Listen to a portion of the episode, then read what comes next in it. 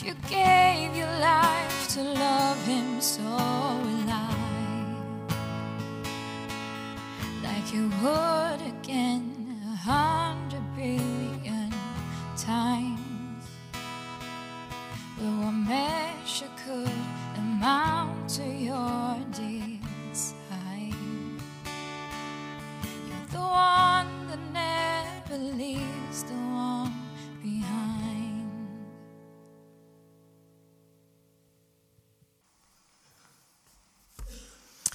Tack så mycket för den härliga sången. En eh, sång som också just handlade om att hela skapelsen, hela universum prisar Herren. Det var liksom ett, ett nytt perspektiv. Eh, härligt. Palmsöndag är det idag. Och i en av texterna, som faktiskt är en sång i Gamla Testamentet, så beskrivs det lite grann hur det här gick till. Och jag tänkte vi ska börja där lite kort för att lägga grunden till det som sen händer i Jerusalem ungefär år 33. Vill ni följa med i den här sångtexten så finns den i psalmboken sidan 1523.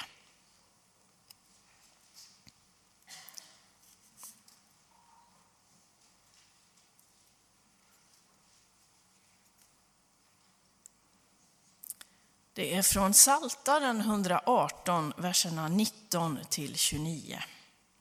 Och det är alltså kung David som har skrivit med Guds inspiration den här salmen som har sjungits och sjungs än idag runt om i vår värld.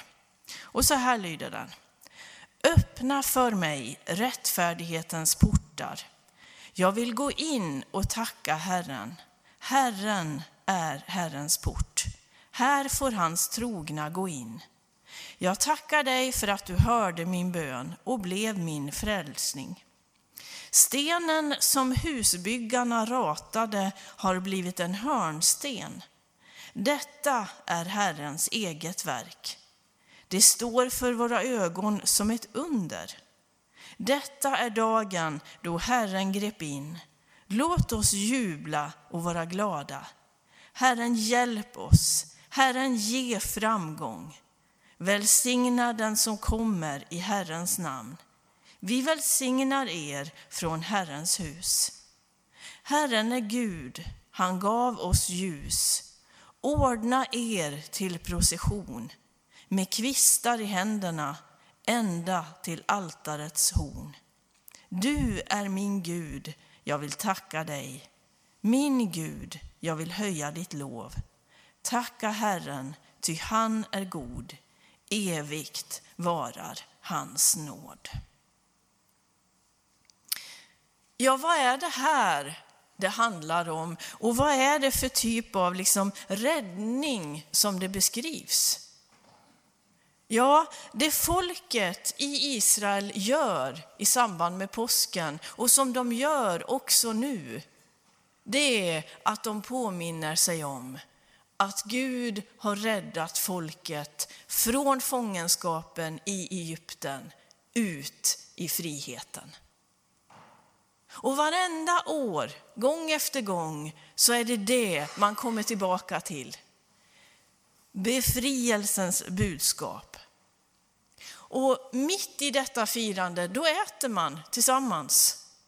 Jag tänker när Marianne delade lite grann bilderna här från Moldavien. Vad gör man när man möts? Jo, man äter tillsammans. Och så gör man även när man firar påsken. Och när den här sången sjungs, då har man precis ätit måltiden tillsammans, påskmåltiden.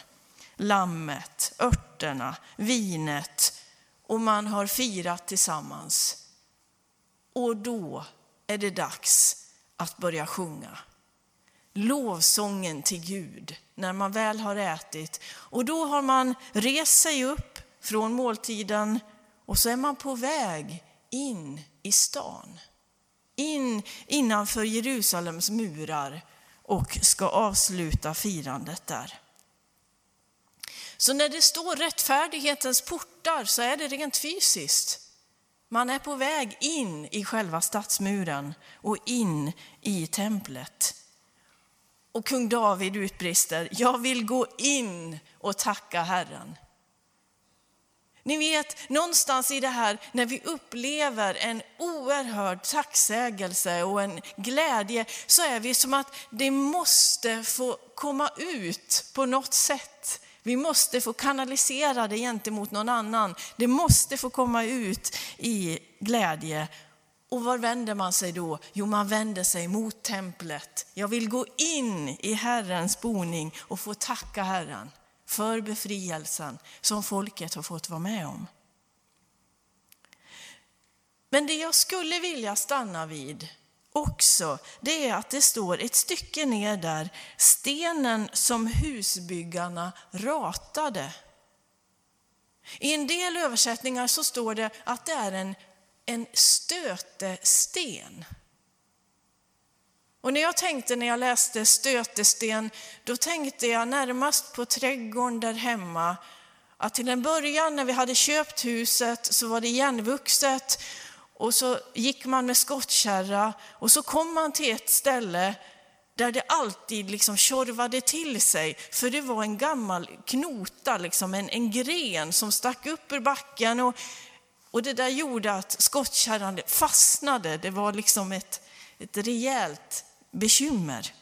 Så småningom så rättade jag till det där, sågade av den där uppväxande grenen.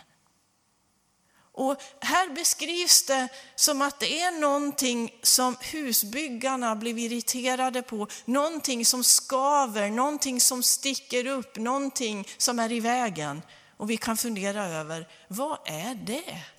Mitt i den här glädjen när man är på väg in och ska fira befrielsen. Ja, Bibeln är en helhet. För det som är i Gamla testamentet som är skrivet någon gång 900 före Kristus, som ligger tidigt i Bibeln, är helt och hållet ihopkopplat med det som händer på Golgata kors, långt senare. Det handlar om årtusenden fram i tiden ungefär tusen år. Från det att kung David får inspiration av Gud, skriver salmen, så är det någonting som kommer att ske som inte accepteras av alla. Som anses till och med som irriterande och besvärligt och i vägen. Och någon av oss kanske känner igen att ibland är det när vi berättar att vi tror på Jesus så är det som att det skaver. Det skapar liksom irritation eller det skapar ett visst avstånd. Stötestenen, det som ibland är så exklusivt så att det leder till konflikter. Och vi vet rent statistiskt runt om i vår värld att den kristna kyrkan är förföljd. Det är en stötesten.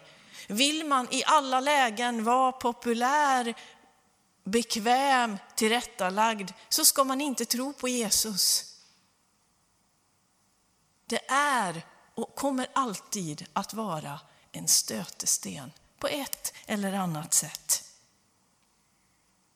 Men i samma mening som det där med att det är en sten som husbyggarna ratade, så står det också har blivit en hörnsten.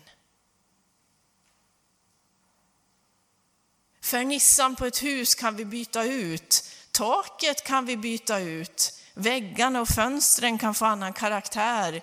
Vi kan skapa öppna planytor inne. Men grunden, hörnstenen, vad händer om den tas bort? Det här är så oerhört viktigt. Så det är inte bara det att det hänger ihop med att Jesus dör på korset, utan om vi dessutom tittar än längre fram i historien när Jesus redan har dött och uppstått för mänsklighetens synder och det har gått en generation till och Petrus och Johannes, Jesu nära vänner, har blivit förda inför Stora rådet, så står det så här ett stycke fram. När de såg hur frimodiga Petrus och Johannes var och märkte att de båda var enkla och olärda män, då förvånade de sig. Och när de såg mannen, det hade skett ett under, som hade blivit botad stå där tillsammans med dem, blev de svarslösa. Och de undrade, i vilken kraft har det här skett? På vilket sätt har det skett? Och så svarar de till sitt försvar. Tack vare honom som ni korsfäste och som Gud har uppväckt från de döda står den här mannen frisk framför er. Jesus är stenen som föraktades av er husbyggare men blev till en hörnsten. Det kommer igen årtusende efter årtusende. Det finns mycket i den kristna kyrkan vi kan ändra på. Vi pratar ibland om teologins utformning och människan runt om i vår värld längtar ju efter mening och tillfredsställelse. Och det finns mycket vi kan göra. Vi kan träna, vi kan äta rätt, vi kan ha goda relationer, vi kan ha tillfredsställande jobb. Ni vet, vi kan göra mycket. Men hörnstenen, hörnstenen är fullständigt avgörande. Ibland kan vi frestas, även som kyrkor, på grund av att Jesus är så unik, att vi försöker tona ner. Vi försöker minska betydelsen. Vi försöker ändra och använda andra namn än Jesus Kristus. Men vad kan vi lära av historien? Vad kan vi lära av våra kristna syskon runt om i vår värld? Jesus Kristus är hörnstenen. Och det är genom honom, det är till honom och det är på grund av honom som vi också kan stämma in i lovsången. Att vi får gå in i Herrens hus, tacka honom, ta fram det finaste vi äger, prisa honom med allt vad vi äger och allt vad vi har. Amen.